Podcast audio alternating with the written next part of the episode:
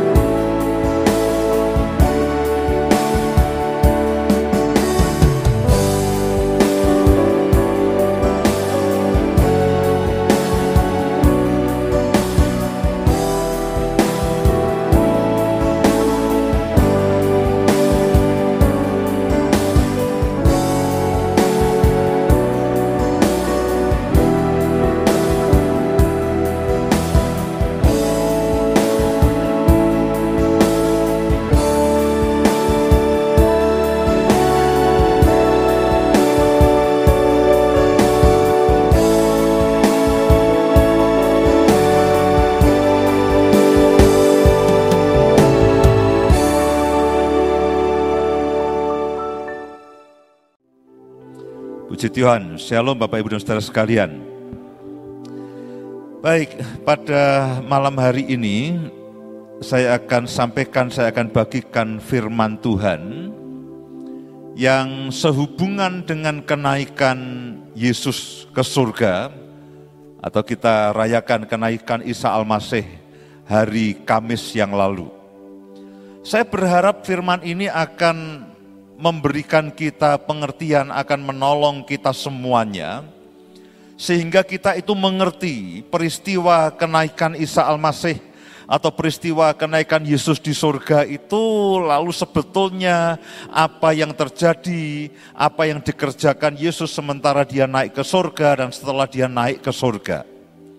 Saya berharap firman ini akan menolong kita semuanya, karena kalau kita tahu apa yang Yesus kerjakan untuk kita, apa yang Yesus terus kerjakan di dalam kehidupan kita, dan kita menyadari, dan bukan hanya tahu, saya berharap Roh Kudus akan betul-betul mewahyukan dalam kehidupan saudara semuanya, menanam benih firman itu dalam hidup saudara, niscaya firman itu akan bertumbuh dan kalau kita mengerti akan apa yang Yesus kerjakan dalam kehidupan saya dan saudara, iman kita tidak akan mudah digoyahkan. Iman kita tidak akan pernah surut. Iman kita tidak pernah akan susut dan tidak akan pernah berkurang. Tapi dari waktu ke waktu iman kita akan terus naik, naik, naik, naik, naik. Dan pengharapan kita juga naik. Meskipun secara manusia kalau kita melihat keadaan, situasinya akan semakin tidak menentu. Situasinya akan semakin tidak jelas. Meskipun kalau menurut ukuran manusia, kalau kita melihat keadaan, lalu iman kita punya kemungkinan akan goyah, iman kita punya kemungkinan akan surut, dan pengharapan kita yang dulu kita punya pengharapan yang sangat tinggi, lalu pengharapan itu melihat kita semua keadaan, melihat semua situasi, melihat semua kesulitan yang sampai sekarang belum beranjak, belum berakhir, bahkan sepertinya ini uh, kita tidak tahu sampai kapan ini semuanya terjadi. Acap kali itu membuat lalu pengharapan kita itu menjadi surut. Pengharapan kita itu menjadi berkurang. Nah saya berdoa, saya berharap bahwa firman-firman yang akan kita baca pada malam hari ini. Mungkin akan cukup banyak ayat yang kita akan baca pada malam hari ini. Saya berharap firman itu akan memberikan apa ya, karena dikatakan bahwa iman itu datangnya dari pendengaran akan firman Tuhan. Firman itu akan memberikan satu tambahan energi.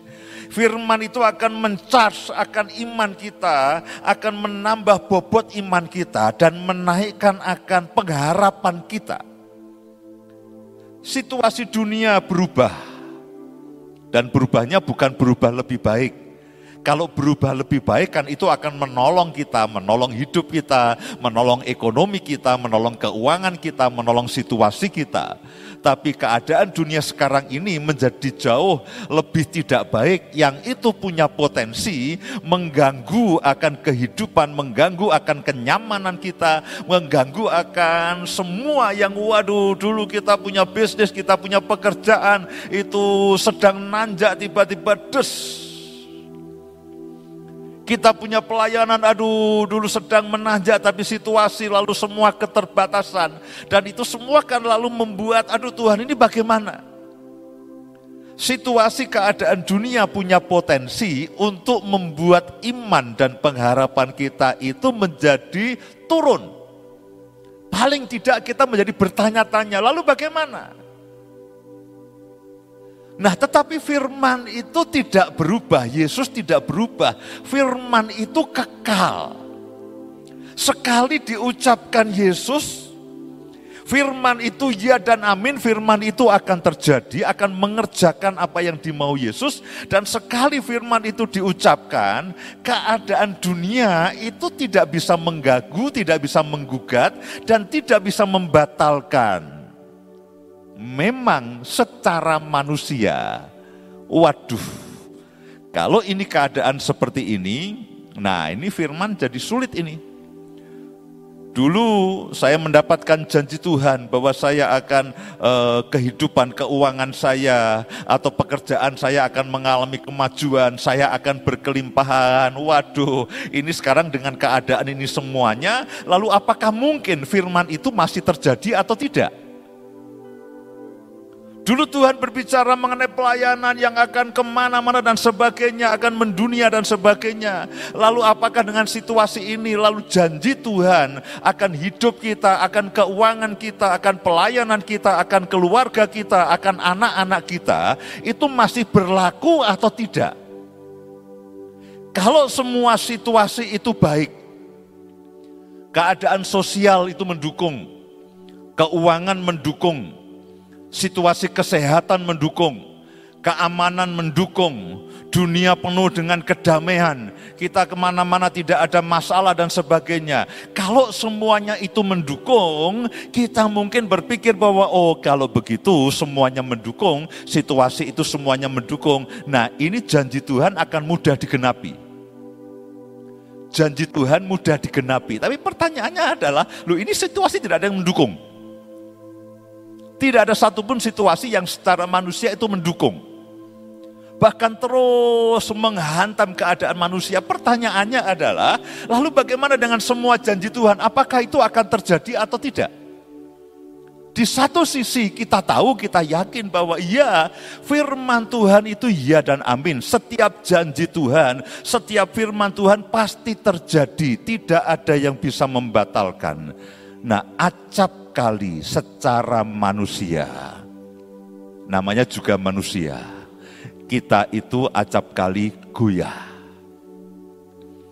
Nah saya berdoa firman Tuhan yang akan kita baca sama-sama pada malam hari ini, itu akan meneguhkan hidup kita, akan meneguhkan iman kita, bahkan menguatkan dan pengharapan kita tidak akan surut, tidak akan susut, bahkan akan naik semakin tinggi, semakin tinggi, semakin tinggi. Nah, saya akan sampaikan firman Tuhan sehubungan dengan peristiwa kenaikan Tuhan Yesus ke surga yang baru kita peringati pada minggu yang lalu. Mari lihat peristiwa bagaimana Yesus itu naik ke surga, terangkat ke surga. Yang pertama mari lihat sama-sama di dalam Injil Lukas pasal yang ke-24. Injil Lukas pasal yang ke-24 ayat yang ke-50. Injil Lukas pasal yang ke-24 ayat yang ke-50 ini merupakan saat-saat terakhir sebelum Yesus itu naik ke surga. Bapak Ibu bisa baca ayat-ayat sebelumnya tapi saya akan baca beberapa bagian saja. Lalu Yesus membawa mereka keluar kota sampai dekat Betania. Di situ ia mengangkat tangannya dan memberkati mereka. Di situ dia mengangkat tangannya dan memberkati akan murid-muridnya. Dan ketika Yesus sedang memberkati mereka, ia terpisah dari mereka dan terangkat ke surga. Jadi hal terakhir yang Yesus lakukan sebelum dia tidak terlihat lagi karena dia terangkat di surga, Alkitab mencatat bahwa sebetulnya dia itu sedang memberkati akan akan murid-muridnya. Dari sini kita bisa menangkap bahwa Yesus itu tidak ingin kehilangan satu saat pun, satu menit pun, bahkan satu detik pun untuk dia apa ya membiarkan saya dan saudara. Jangan berpikir bahwa Tuhan itu seperti kita kadang lupa, kadang lalai, kadang jengkel dengan kita, lalu membiarkan kita. Jangan berpikir seperti itu. Kasih Yesus itu memang terlalu ajaib untuk kita fahami secara manusia. Paulus katakan aku berdoa supaya kamu mengerti betapa panjangnya, lebarnya, dalamnya, tingginya kasih itu. Meskipun itu melampaui semua segala akal manusia. Aku berdoa supaya kamu mengerti, kamu memahami dan kamu mengalami akan kasih itu. Meskipun itu melampaui segala akal manusia. Nah kalau kita ukur kasih Kristus berdasarkan kasih yang kita berikan kepada anak kita. Lu kadang-kadang kita ini jengkel. Kalau ukuran kasih Kristus kita ukurkan seperti bagaimana kita mengasihi akan istri kita, akan suami kita. Loh kadang-kadang kita ini jengkel, ada waktunya sayang, ada waktunya jengkel. Lalu ketika kita jengkel ya sudah kita biarin. Pada waktu kita sayang, kita baik, kita berikan banyak. Pas jengkel kita tidak beri banyak. Nah memang lalu kita Yesus itu mengasihi kita tanpa batas, tanpa pamrih. Lalu biasanya kita mempertanyakan, lalu bagaimana Pak kalau saya berbuat dosa, bagaimana Pak kalau saya dan sebagainya. Kita akan mencoba mencari alasan-alasan yang bisa memberikan semacam apa ya, semacam pembenaran bahwa oh Yesus itu tidak selalu mengasihi saya. Nanti kita akan banyak baca ayat yang Sejujurnya ketika kami persaya persiapkan akan ayat-ayat ini saya katakan Tuhan ini terlalu ajaib. Jauh melebihi dari semua apa ya, apa yang ada di dalam alam bawah sadar kita ini, saya ini. Nah Alkitab mengatakan sementara Yesus itu memberkati Yesus tahu bahwa sebentar lagi dia naik ke surga, dia terangkat dan dia ketemu dengan Bapaknya. Yesus itu tahu.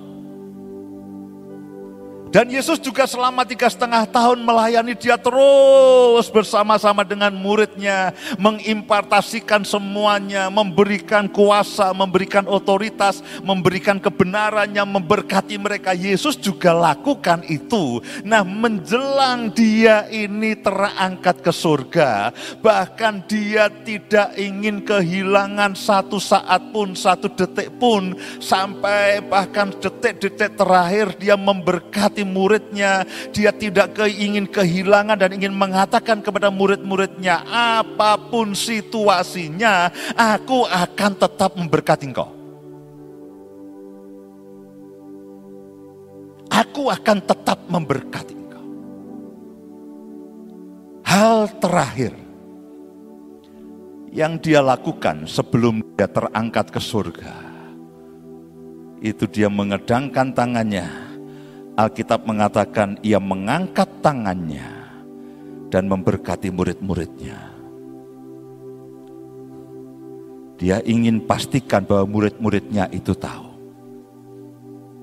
Aku tidak meninggalkan kamu lalu tanpa bekal apa-apa itu tidak.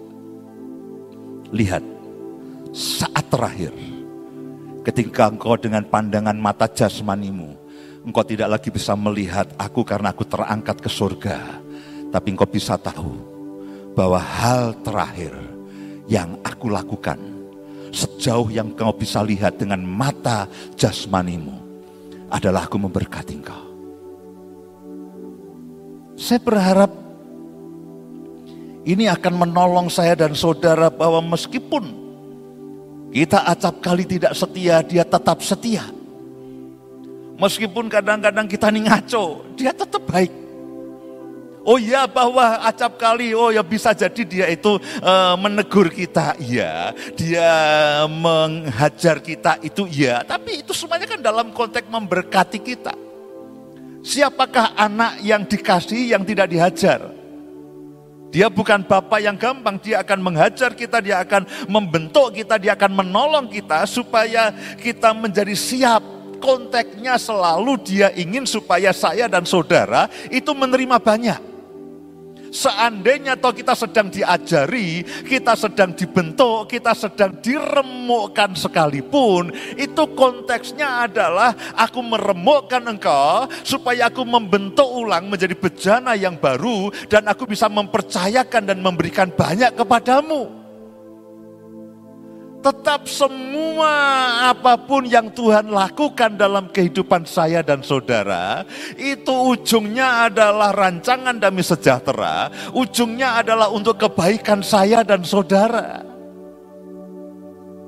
Hal terakhir yang dia ingin supaya murid-muridnya tahu adalah dia itu memberkati. Nah, kata berkat, kata berkat di dalam bahasa Yunani itu artinya eulogia.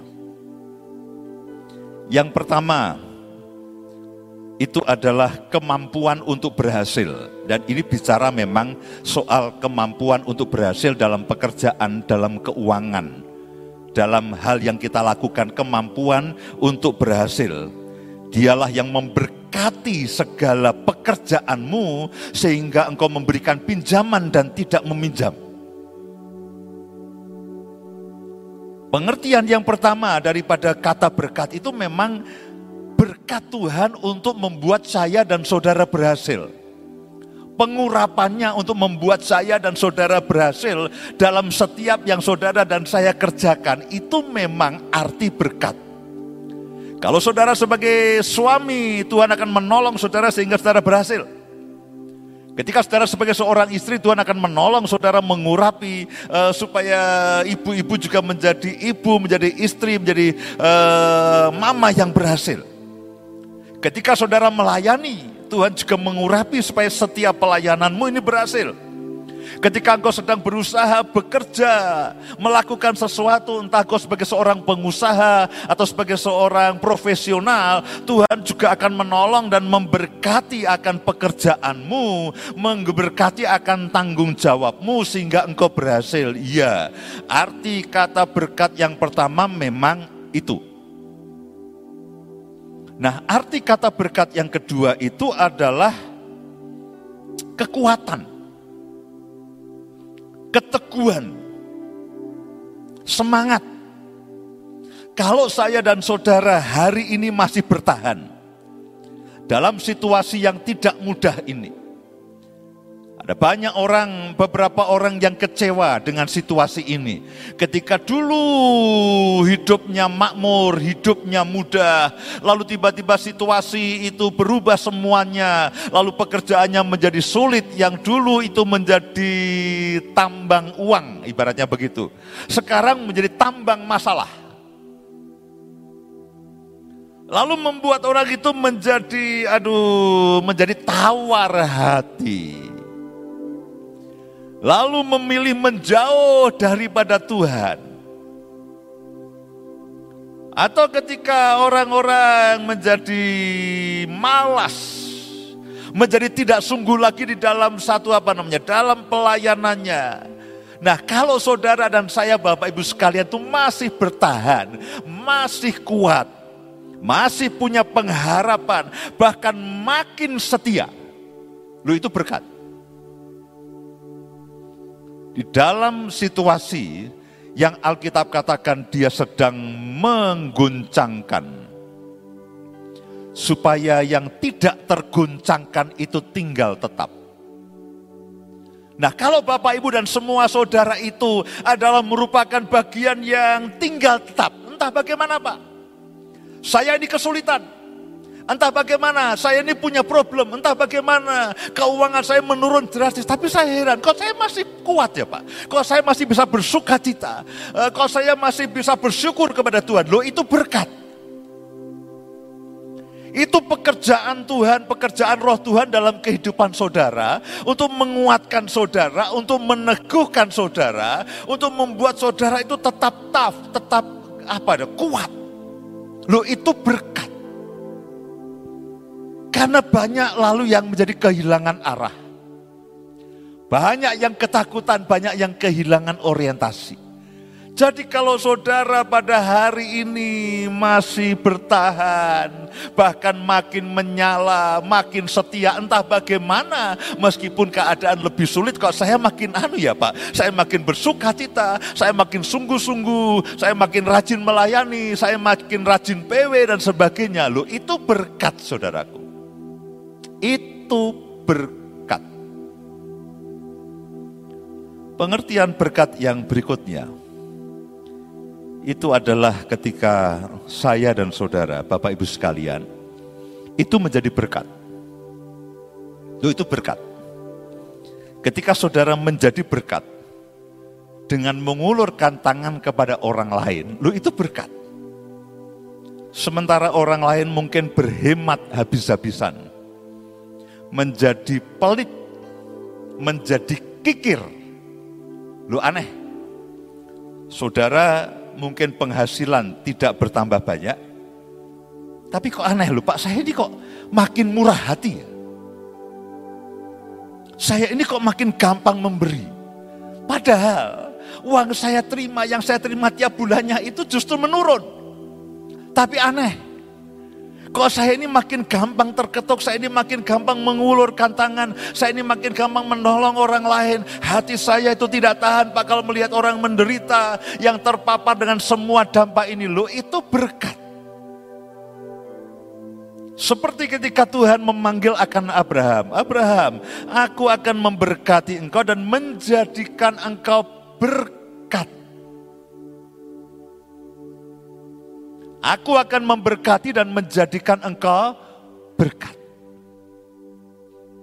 Ketika Abraham menjadi berkat bagi bangsa-bangsa, saya dan saudara juga menjadi berkat bagi sekitar. Loh itu berkat. Ada banyak orang yang apa tuh? Menghindar dari panggilan Abraham. Mau nggak bisa pak, ini waktunya saya berhemat habis-habisan saya harus membuat cadangan sebesar-besarnya karena kita tidak tahu yang ke depan seperti apa. Tidak. Panggilan saya dan saudara tidak berubah oleh situasi yang ada di dunia ini. Saudara akan tetap diberkati dan saudara tetap akan menjadi berkat. Tidak bisa kurang dari itu tuh tidak bisa. Nah arti kata berkat yang lain itu adalah kehadiran Tuhan dalam kehidupan kita. Itu berkat. Seperti yang dia katakan kepada Isa di dalam kejadian pasal yang ke-26, ayat yang ketiga. Kejadian pasal yang ke-26 ayat yang ketiga. Ini pesan Tuhan kepada Isa. Tinggallah di negeri ini sebagai orang asing maka aku Tuhan akan menyertai engkau dan memberkati engkau. Sebab kepada mula dan kepada keturunanmu akan kuberikan seluruh negeri ini dan aku akan menepati sumpah yang telah kuikrarkan kepada Abraham ayahmu janji Tuhan yang mengatakan kepada Isa, aku akan menyertai engkau dan akan memberkati engkau, aku akan menyertai engkau. Kehadiran Tuhan dalam kehidupan setiap saudara dan saya itu adalah berkat bahkan yang terbaik.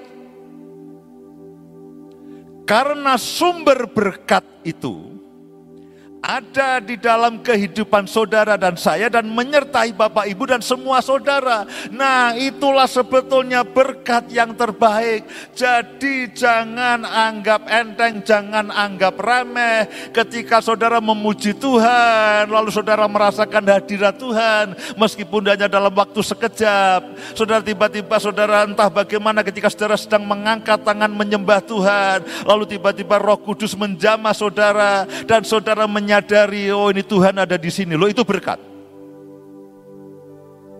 Jangan anggap enteng. Jangan anggap remeh Ketika saudara entah berdoa, menyembah secara pribadi atau berdoa atau menyembah dalam ibadah seperti ini, dalam pujian penyembahan secara pribadi atau secara bersama-sama, lalu saudara tiba-tiba diingatkan oleh Roh Kudus bahwa aku menyertai engkau, aku bertahta atas pujian umatku, dan tiba-tiba saudara sadar bahwa oh iya ya, ini Tuhan ada di tengah-tengah kita. Lu itu berkat. Jangan pernah abaikan dan jangan pernah anggap remeh. Akan setiap pernyataan, akan setiap situasi, akan setiap keadaan yang saudara bisa sadari dan saudara bisa rasakan bahwa Tuhan itu hadir. jangan anggap enteng. Satu kali Musa ada di tengah-tengah biasa toh orang Israel dengan Tuhan kan selalu bikin masalah. Ketika orang Israel, Musa sedang naik ke gunung, lalu orang Israel selepas keluar dari Mesir, lalu membuat patung anak lembu emas. Saudara masih ingat cerita itu. Lalu Tuhan, Musa, itu loh. Bangsa Israel selalu saja kembali menyembah berhala. Lalu Tuhan katakan kepada Musa, Musa, sudahlah beginilah. Aku akan mengutus malaikatku saja untuk memimpin orang Israel tapi bukan aku. Aku akan mengutus malaikatku untuk memimpin orang Israel masuk ke tanah Kanaan. Loh, perjalanan lalu di depan malaikat itu kan ya sebetulnya bisa dikatakan lumayan lah, gagah. Kalau yang sedang kami alami itu disebut sosok berjubah putih. Loh, itu kan lumayan sebetulnya. Itu lumayan. Tapi Musa katakan begini, Tuhan tidak. Kalau bukan engkau sendiri yang ada di tengah-tengah kami dan memimpin kami, aku juga tidak akan pergi. Tuhan tawarkan, oke okay, kita membuat win-win solution. Kalau aku selalu menyaksikan mereka itu kembali menyembah berhala, aduh, mereka lama-lama bisa habis. Sudahlah, aku kirim saja malaikat. Tapi Musa itu tahu bahwa berkat terbaik yang bisa didapatkan orang Israel itu bukan tanah Kanaan, bukan tanah perjanjian. Berkat terbaik yang bisa didapatkan oleh orang Israel itu bukan emas dan perak yang mereka bawa dari Mesir, tapi berkat yang terbaik itu adalah ketika Tuhan itu ada di tengah-tengah mereka. Sampai Musa katakan, tidak Tuhan, aku lebih memilih tidak berangkat kalau kamu tidak memimpin sendiri. Dan Tuhan katakan, oke okay lah, aku akan ikuti permintaan. Belum selesai, Musa. Maafkan Tuhan. Tunjukkan akan kemuliaan. Tunjukkan akan keberadaanmu. Tunjukkan akan wajahmu. Lalu Tuhan katakan, oke, okay, aku akan tunjukkan pribadiku. Tapi engkau akan tidak akan tahan melihat wajahku. Jadi ada lekuk di gunung, kamu di situ, Aku akan berjalan di, uh, di depanmu, aku akan tutup tanganmu, tangan uh, wajahmu dengan tanganku sehingga kamu akan bisa melihat belakangku. Musa dikatakan berhadapan muka dengan muka dengan Tuhan. Dan dia tahu berkat terbaik yang bisa didapatkan orang Israel adalah Tuhan itu sendiri. Dan kalau sampai hari ini saudara masih bertahan, masih kuat, masih haus akan firman Tuhan, masih berdoa, masih membaca firman Tuhan, lo itu berkat. Dan ketika saudara membaca Alkitab, saudara katakan, Tuhan ini firmanmu ajaib. Saudara bisa merasakan kehadirannya, itu berkat yang terbaik. Mari lihat Injil Yohanes pasal yang ke-6, ayat yang ke-56. Setiap kali saudara makan dan minum perjamuan, Saudara sedang mengakui akan tubuh Kristus. Injil Yohanes pasal yang ke-6 ayat yang ke-56. Barang siapa makan dagingku dan minum darahku, ia tinggal di dalam aku dan aku di dalam dia. Jadi setiap kali saudara makan dan minum perjamuan, saudara sedang sedang apa ya melakukan satu tindakan iman, satu tindakan profetis, satu pengakuan iman bahwa aku di dalam Kristus dan Kristus di dalam aku. Tidak ada yang lebih dari itu tuh tidak ada. Itu bagian yang terbaik yang saya, saudara, Bapak Ibu sekalian bisa dapatkan. Ketika kita menyadari, ketika kita merasakan bahwa Yesus itu ada di dalam kehidupan kita, itu bagian yang terbaik. Nah, itulah berkat. Ya, bicara mengenai jasmani memang. Bicara mengenai kekuatan, keteguhan, ketahanan iman kita. Bicara ketika kita terus menjadi berkat itu juga berkat. Dan bagian yang terbaik adalah ketika saya dan saudara memahami, mengerti dan menyadari dan Tuhan mewahyukan akan kehadiran Tuhan dalam kehidupan setiap kita. Itulah berkat. Dan itulah yang Tuhan terus ingin tinggalkan dan berikan kepada Bapak, Ibu dan semua saudara. Bahkan pada saat terakhir ketika dia naik ke surga dia ingin katakan murid-muridku, waduh rasanya tidak cukup ini. Rasanya tidak cukup waktu yang ada untuk aku terus melimpahkan berkatku kepadamu.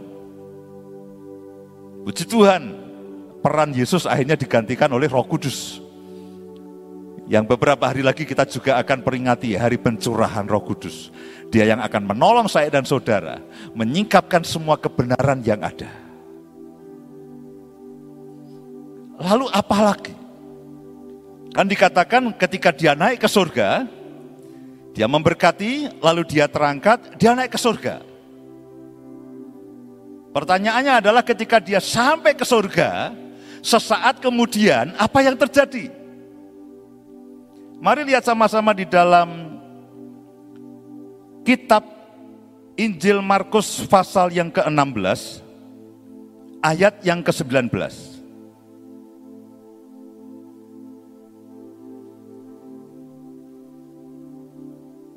Markus pasal yang ke-16 ayat yang ke-19.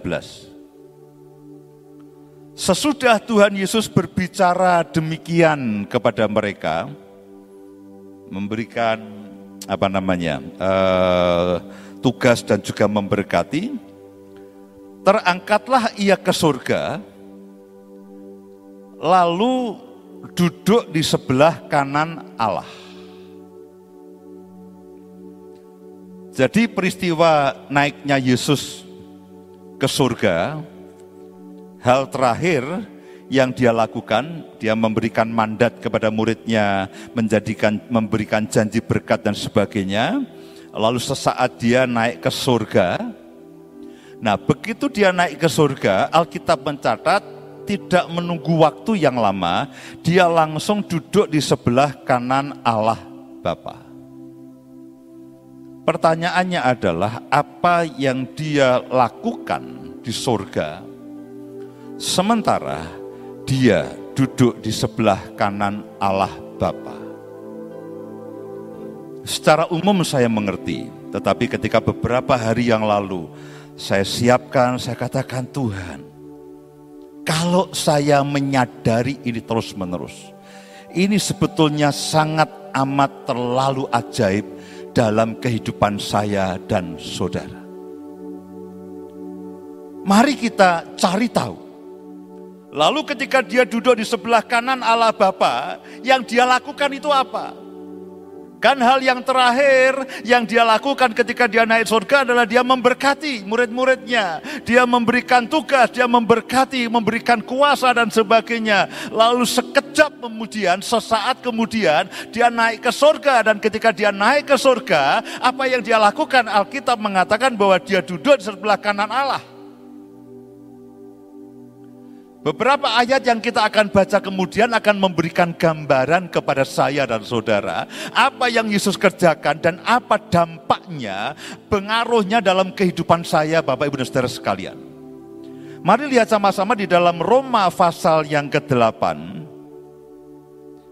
Kitab Roma pasal yang ke-8.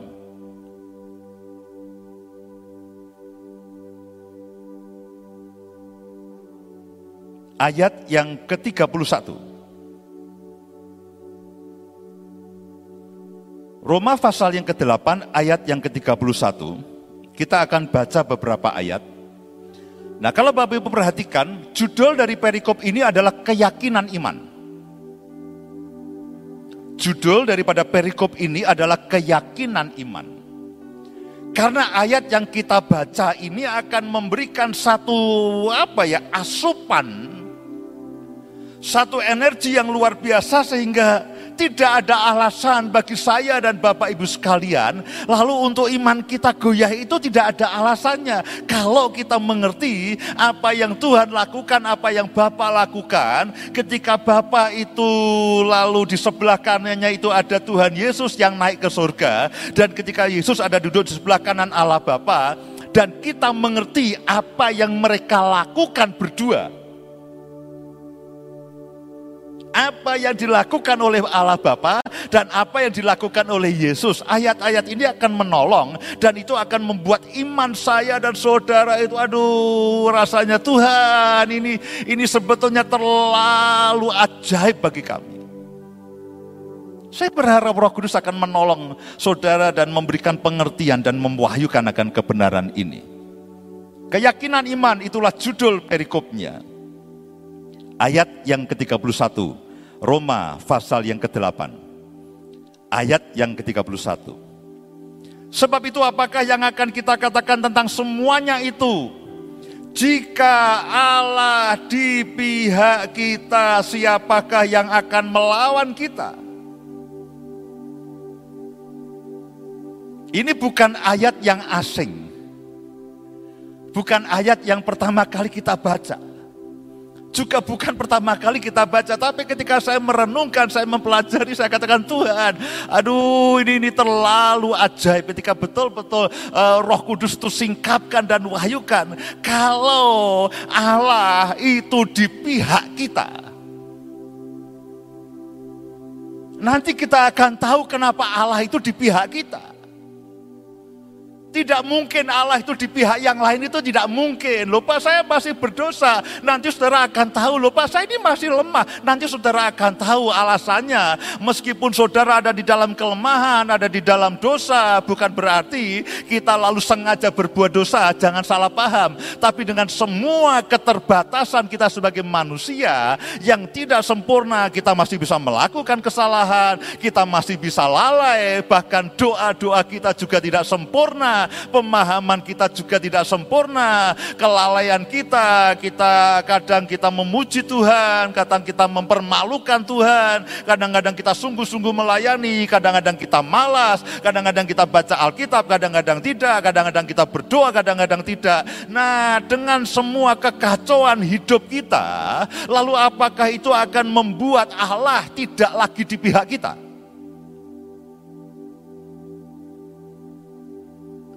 Kalau kita diskusi mungkin dengan orang-orang, ya tidak bisa. Urip murah genah, hidupmu tidak bagus. Ya tidak yakin. Apakah Tuhan itu masih membela kamu atau tidak? Allah itu masih di pihak kita atau tidak? Loh, kalau ukurannya itu adalah hikmat manusia dan ukurannya adalah kasih manusia dan ukurannya adalah pengertian manusia, kita akan kalah berdebat. Orang-orang akan membuktikan bahwa hidup kita tidak cukup bagus untuk Allah itu ada di pihak kita. Kamu aja males membaca Alkitab. Kamu males berdoa. Persembahan kadang memberi, kadang tidak. Perpuluhan dipangkas-pangkas, dikorting-korting. Kamu tidak ikut pelayanan. Bagaimana mungkin Allah di pihak kamu? Allah tidak bisa pakai kamu. Loh, kalau kita berdebat secara manusia dengan hikmat manusia, menurut saya, saya juga kalah. Kalau menurut ukuran dan hikmat manusia, orang akan dengan mudah membuktikan bahwa saya itu pribadi yang tidak memenuhi syarat bahwa Allah itu di pihak saya. Kenapa? Dengan semua kelemahan, dengan semua kekurangan, dengan semua masalah yang saya hadapi, itu memang saya tidak memenuhi syarat. Saya bukan termasuk orang yang alim, saya bukan termasuk orang yang kudus, saya bukan termasuk orang yang aduh sepanjang mulai dari matahari terbit sampai terbenam itu lalu bahasa roh terus itu tidak. Masih ada banyak kedagingan yang saya lakukan, banyak dosa yang saya lakukan. Ada banyak komitmen yang saya itu, saya berjanji Tuhan, aku akan lebih sungguh-sungguh, baru saja ngomong, detik berikutnya sudah males. Kalau manusia berdebat dengan saya, mereka akan dengan mudah membuktikan bahwa modelmu yang ini, modelmu yang ini, aku yakin Tuhan tidak berpihak kepada kamu. Kalau bantah-bantahannya adalah mengenai prestasi dan keadaan manusia, saya akan katakan iya sih, aku tidak layak untuk Tuhan itu berpihak kepadaku. Tapi ternyata Alkitab berkata yang berbeda. Saya berdoa ini akan menolong saya sementara saya menyampaikan ayat-ayat ini dan juga menolong saudara. Mari kita lanjutkan. Ayat yang ke-32. Dia Allah yang tidak menyayangkan anaknya sendiri tetapi yang menyerahkannya bagi kita semua. Bagaimanakah mungkin dia tidak mengaruniakan segala sesuatu kepada kita bersama-sama dengan dia, bersama-sama dengan Yesus? Tersirat, dan bukan hanya tersirat, dia memang mengorbankan Yesus untuk saya dan saudara. Loh dia tahu saya dan saudara ini saya ini adalah orang yang brengsek itu tahu. Dia tahu kita ini orang lemah dia tahu. Bahkan ketika Yesus mati bagi kita dia mengasihi kita. Kita di dalam keadaan berdosa. Tuhan tahu bahwa ini manusia berdosa. Manusia yang kacau. Tetapi karena kasihnya kepada saya dan saudara. Tuhan itu dikatakan begini. Dia tidak menyayangkan anaknya. Tersirat begini dia mengorbankan anaknya untuk saya dan saudara. Bapak sayang kepada kita, Yesus juga sayang kepada kita. Dan karena Yesus menyadari akan kasih dia, kasih Allah kepada manusia, dia juga menjadi bagian dari kasih itu. Nah kalau dia tidak menyayangkan anaknya, dan menyerahkannya bagi kita semua yang berdosa dan masih berdosa, bagaimana mungkin dia tidak mengaruniakan segala sesuatu kepada kita bersama-sama dengan Yesus? Allah di pihak saya dan saudara. Ayat yang ke-33. Siapakah yang akan menggugat orang-orang pilihan Allah? Allah yang membenarkan mereka, siapakah yang akan menghukum mereka? Kristus Yesus yang telah mati, bahkan lebih lagi, yang telah bangkit, yang juga duduk di sebelah kanan Allah, perhatikan baik-baik, yang malah menjadi pembela bagi kita. Allah Bapa ada di pihak kita, dia yang tidak menyayangkan anaknya yang dia kasihi, lalu menyerahkannya bagi saya dan saudara. Lalu siapakah yang akan menggugat? Siapakah yang akan memisahkan kita? Apakah Allah Bapa, apakah Yesus yang akan menghukum saya dan saudara? Manusia bisa menggugat, manusia bisa menghukum dan manusia bisa menghakimi kita. Siapakah yang akan membenarkan mereka? Kristus Yesus yang telah mati, bahkan lebih lagi yang telah bangkit, yang juga duduk di sebelah kanan Allah, dan saudara tahu apa yang dia lakukan ketika dia duduk di sebelah kanan Allah. Langsung begitu dia sampai ke surga, dia langsung menjadi pembela kita. Dia langsung menjadi pembela kita. Imam besar yang saya dan saudara miliki, itu adalah imam besar yang tahu semua kelemahan kita. Mari lihat sama-sama Ibrani pasal yang keempat.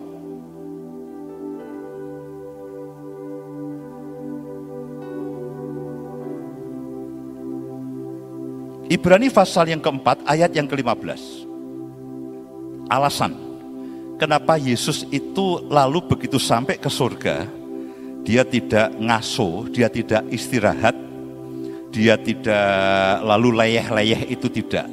Begitu dia sampai di surga, dia langsung duduk di sebelah kanan Allah Bapa dan langsung menjadi pembela. Langsung menjadi pengantara. Langsung menjadi pensyafaat bagi saya dan saudara. Kenapa? Karena dia tahu betapa susahnya hidup sebagai manusia. Dia tahu penderitaan kita. Dia tahu kelemahan kita, kita ini debu. Dia tahu semua problem yang mungkin menerpa akan hidup kita. Dia itu tahu. Mari lihat sama-sama Ibrani pasal yang keempat ayat yang ke-15. Sebab imam besar yang kita punya bukanlah imam besar yang tidak dapat turut merasakan apa kelemahan-kelemahan kita. Sebaliknya sama dengan kita ia telah dicobai, dia merasakan semua kelemahan kita, dia merasakan semua persoalan kita, dia merasakan semua masalah yang saya dan saudara mungkin untuk kita hadapi. Dia tahu rasanya dicobai oleh iblis. Dia tahu semua penderitaan manusia itu dia tahu, dia tahu, dia tahu. Bagaimana dia dicobai oleh iblis soal makanan, soal kesombongan, soal keangkuhan, soal segala sesuatunya kepemilikan. Dia tahu bahwa dicobai iblis itu tidak mudah. Dia tahu bahwa sebagai pengikut Kristus itu tidak mudah, akan dianiaya, akan menderita. Dia tahu itu semuanya. Dia turut merasakan semua kelemahan kita.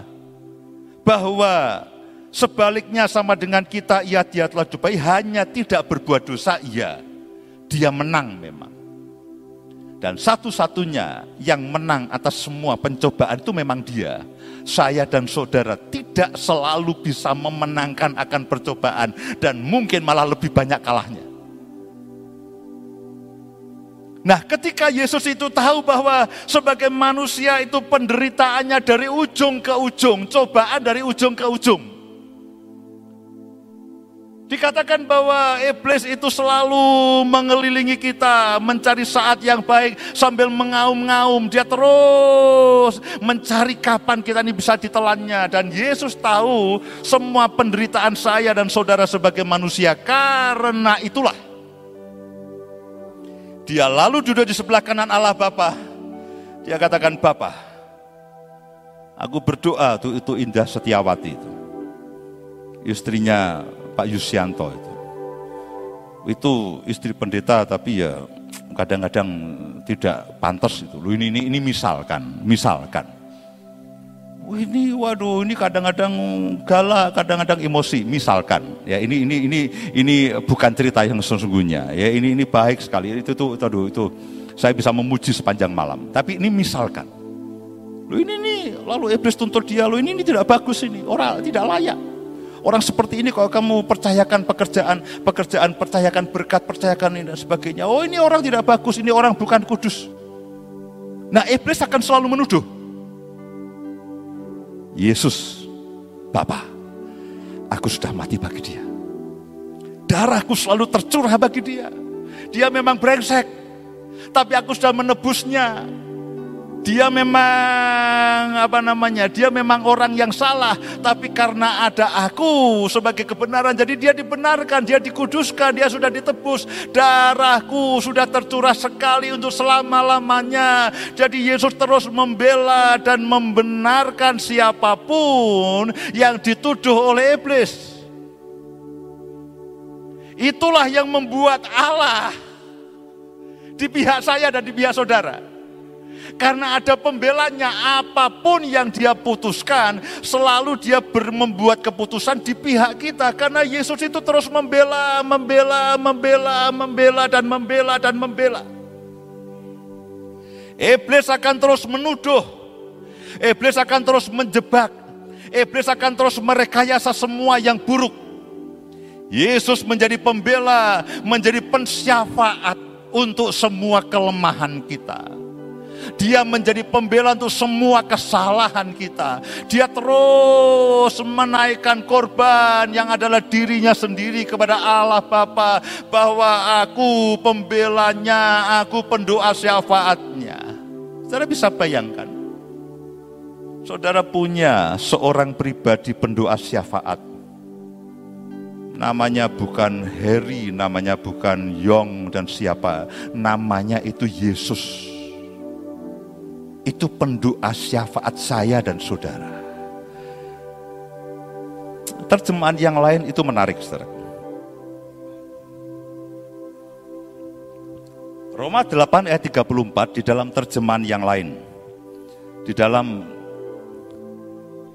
terjemahan sehari-hari, dikatakan begini, dan hal apakah yang masih bisa mengancam kita? Tidak ada.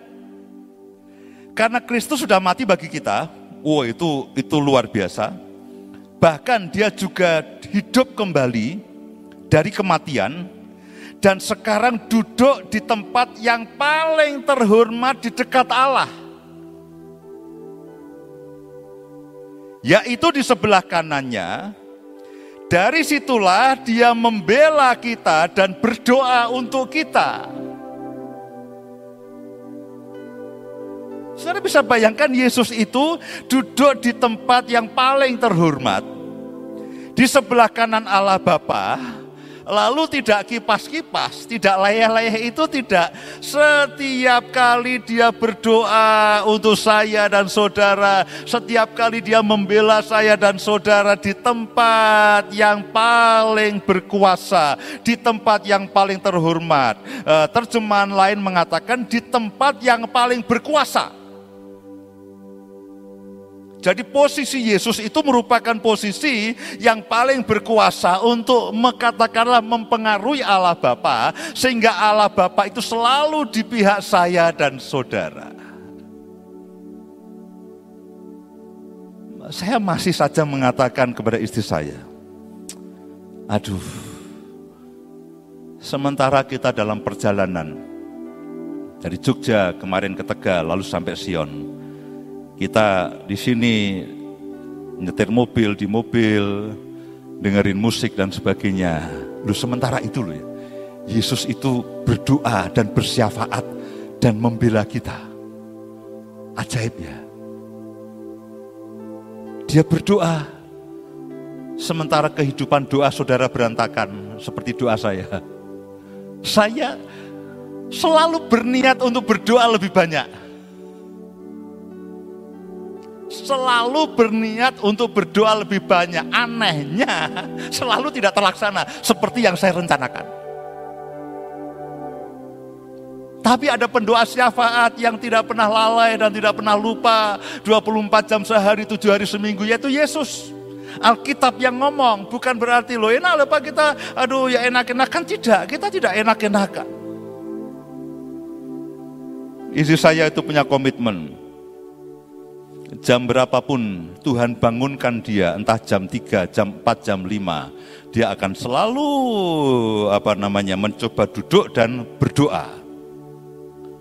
Entah itu jam 3, setengah 4, setengah 5. Puji Tuhan, ketika dia dibangunkan oleh Tuhan, dia akan taruh bantalnya di ujung ranjang, lalu dia akan duduk. Kadang-kadang berdoa, Kadang-kadang saya intip sudah begini. Loh itu bisa berjam-jam. itu bisa satu jam, bisa dua jam. Loh itu manusia. Yang penting kan niat, niatnya. Doa saya dan doa banyak dari kita tidak sempurna. Karena itulah Yesus katakan Bapa, anak-anakmu ini capek, pergumulannya berat, doanya juga kadang-kadang tidak niat. Ya sudah, aku yang terus berdoa bagi anak-anakmu ini loh.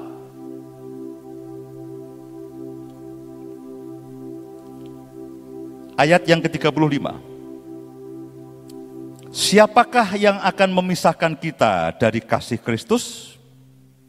Penindasan atau kesesakan yang seperti hari-hari kita alami? Atau penganiayaan, atau kelaparan, atau ketelanjangan, atau bahaya, atau pedang. Saudara boleh sebutkan apa pun. Seperti ada tertulis oleh karena engkau, kami ada di dalam bahaya maut sepanjang hari, kami telah dianggap sebagai domba-domba sembelian. Tetapi dalam semuanya itu kita lebih daripada orang-orang yang menang oleh dia yang telah mengasihi kita. Itulah kenapa kita bisa katakan kita ini lebih dari pemenang. Karena Allah di pihak kita dan karena Yesus itu terus menjadi pembela, menjadi pengantara dan menjadi pendoa syafaat bagi kita. Sehingga kita bisa katakan siapakah yang bisa memisahkan kita dari kasih Kristus. Semua kesulitan ini tidak bisa memisahkan kita dari kasih Kristus. Semua kelemahan kita, semua ketidakberesan kita, semua pemberontakan kita, semua penderitaan kita yang membuat pengikut kepengikutan kita kepada Yesus itu naik turun, itu tidak mengurangi kasih Kristus kepada kita Sehingga kita mengatakan bahwa kita ini lebih dari pemenang. Ayat yang ke-38. Sebab aku yakin bahwa baik maut. Saudaraku, pada waktu Yesus mati kan dikatakan dia turun ke dunia orang mati dan dia mengalahkan apa? Ma? Maut. Maut itu adalah gambaran dari kuasa si jahat pada skala yang paling besar. Pada skala yang paling besar, itu maut. Di atas itu sudah tidak ada lagi, itu sudah skala yang paling besar. Sehingga Paulus katakan, sebab aku yakin bahwa baik maut maupun hidup, malaikat-malaikat maupun pemerintah-pemerintah, penguasa-penguasa, baik yang ada sekarang maupun yang akan datang, atau kuasa-kuasa siapa pun, baik yang di atas maupun yang di bawah, ataupun suatu makhluk lain, tidak akan dapat memisahkan kita dari kasih Allah yang ada dalam Kristus Yesus Tuhan kita. Bahkan kalau kita katakan, Pak bagaimana dengan antikris? yang terus dengan segala upayanya akan menyulitkan kita dan menjebak kita Apakah itu akan bisa memisahkan kasih Allah kita dari kasih Allah? Saya yakin seyakinnya itu tidak akan bisa. Tidak akan bisa. Kalau antikris itu bisa memisahkan kita daripada kasih Allah, berarti dia lebih hebat dong. Beberapa waktu yang lalu istri saya ditelepon oleh seorang teman lama, dia katakan, "Bu, eh, dia panggil Kak, Kak tolong doakan saya." Lu kenapa? Saya ketakutan. Loh kenapa? Saya habis khotbah, saya habis dengar khotbah akhir zaman, sekarang saya ketakutan. Apakah saya akan bisa bertahan atau tidak? Kalau kita lihat jaminan ayat ini, tidak ada satupun kuasa di bumi, di atas bumi, di bawah bumi yang bisa memisahkan saya dan dosa dan saudara dari kasih A, dari kasih Allah. Ibrani pasal yang ketujuh.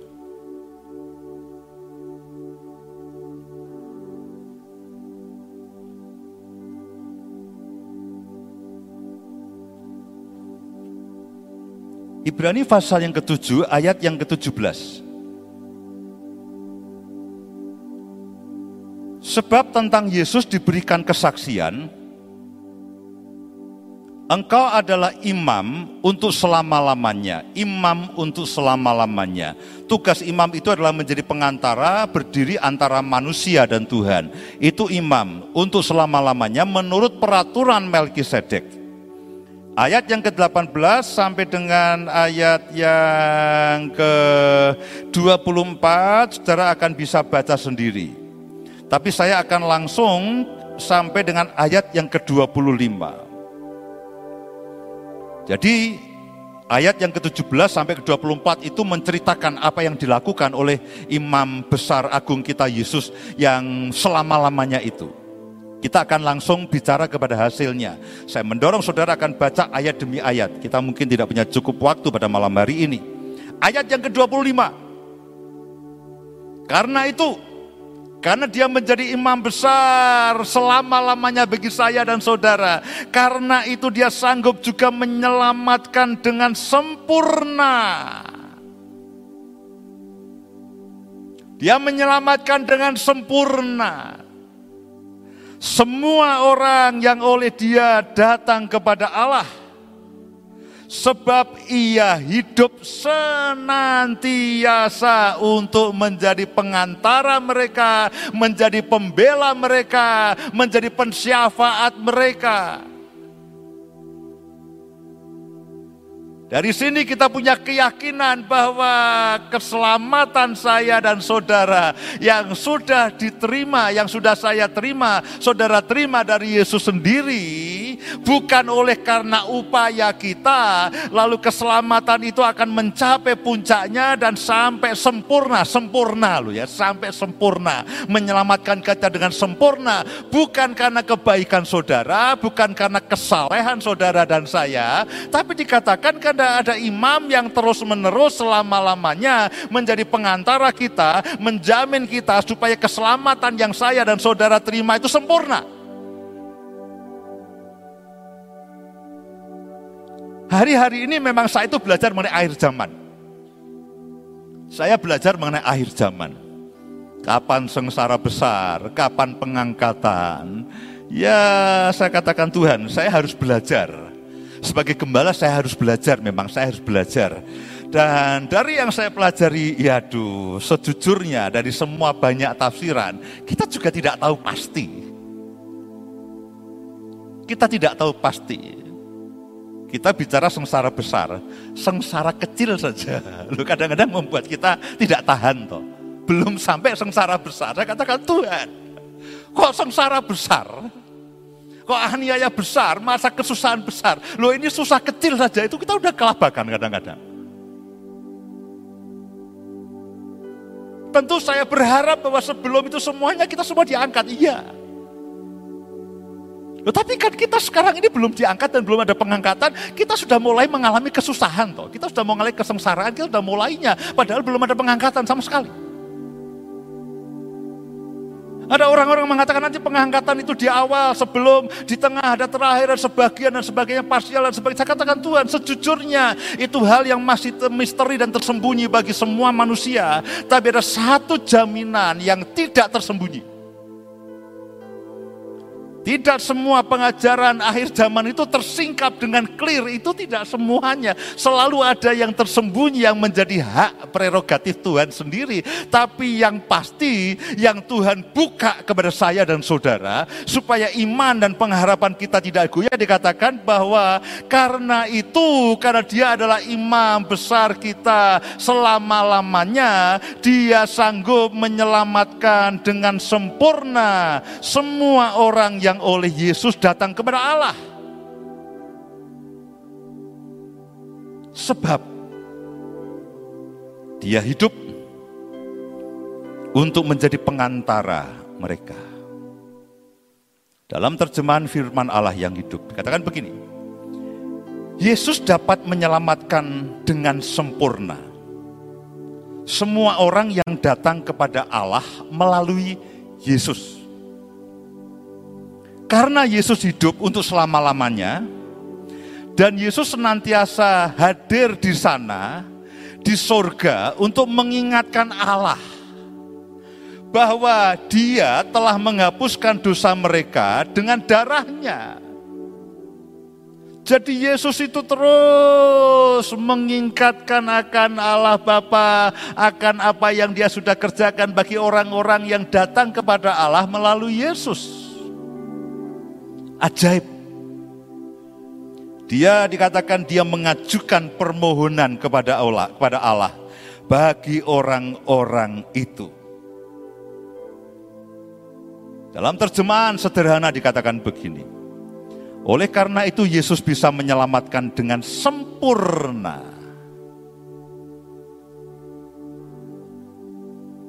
Menyelamatkan dengan sempurna setiap kita yang datang kepada Allah melalui Yesus. Karena selamanya Yesus hidup dan selalu siap sedia memohon pertolongan bagi kita kepada Allah. Keselamatan yang saya dan Bapak, Ibu, dan Saudara semuanya sudah terima oleh jaminan firman Tuhan dikatakan akan sempurna. Tidak ada yang bisa menggugat orang-orang pilihan Allah. Apakah keselamatan bisa hilang?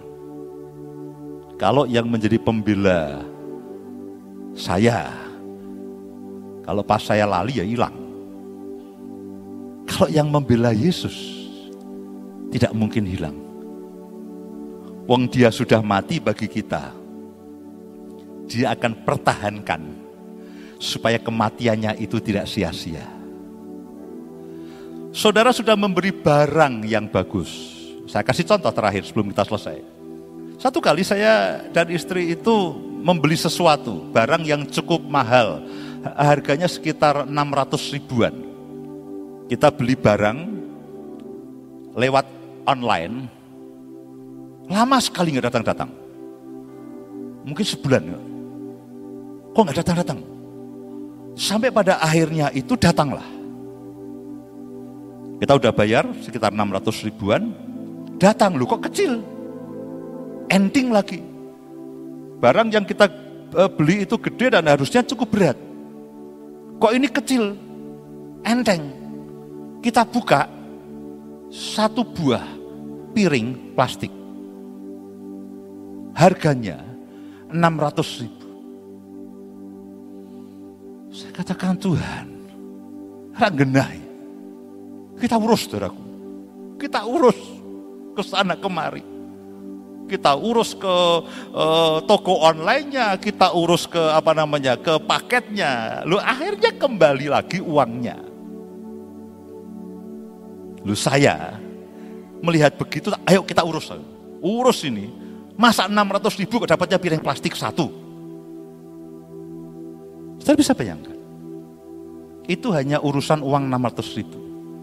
Yesus itu sudah mati bagi saudara dan saya. Lalu apakah dia akan mengabaikan begitu saja? Ya sudahlah, karena dewe. Tidak. Begitu dia naik ke surga, dia duduk sebelah kanan Bapak-Bapak. Aku sudah menebus dia. Aku berdoa bahwa anak-anakmu di dunia ini memang menderita banyak masalah, banyak persoalan. Aku terus berdoa, aku terus membela, aku terus menjadi pengantara bagi mereka. Yang pertama, ketika dia naik ke surga, dia katakan berkat ini tidak akan lepas dari kehidupan. Dan yang kedua, jangan khawatir anakku. Ketika aku sampai kepada Bapa, aku akan langsung menjadi pembela, menjadi pengantara dan pendoa syafaatmu. Supaya apa? Keselamatan yang sudah engkau terima dari aku, lewat aku, ini tidak akan apa namanya, lalu berantakan di tengah jalan. Kamu akan menerima keselamatan yang sempurna. Lu itu belum cukup, loh, saudaraku. Itu belum cukup, itu belum cukup. Beberapa hari lagi kita akan peringati hari pencurahan roh kudus. Sampai lalu dikatakan begini, e, aku akan datang kepada Bapa dan minta pribadi yang lain yaitu Roh Kudus akan masuk dalam hidup dan menjadi penolongmu, akan menjadi penghiburmu. Jadi saudara bisa bayangkan bahwa ketiga pribadi Allah itu bekerja sama untuk memastikan menolong saudara dan saya sehingga keselamatan yang saudara dan saya terima itu sempurna. Allah Bapa di pihak kita, lalu Tuhan Yesus menjadi pembela, menjadi pengantara, menjadi pensyafaat kita kita, masih kurang roh kudus itu masuk dalam kehidupan kita, menolong dari dalam.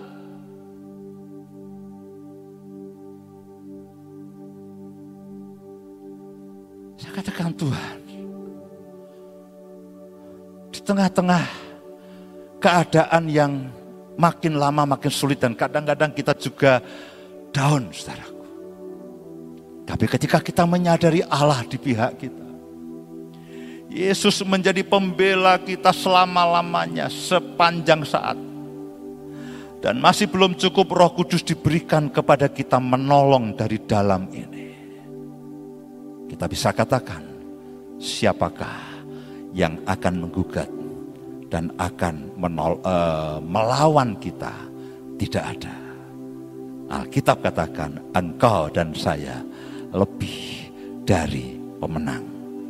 Sekarang kita tahu alasannya. Mari semuanya bangkit berdiri.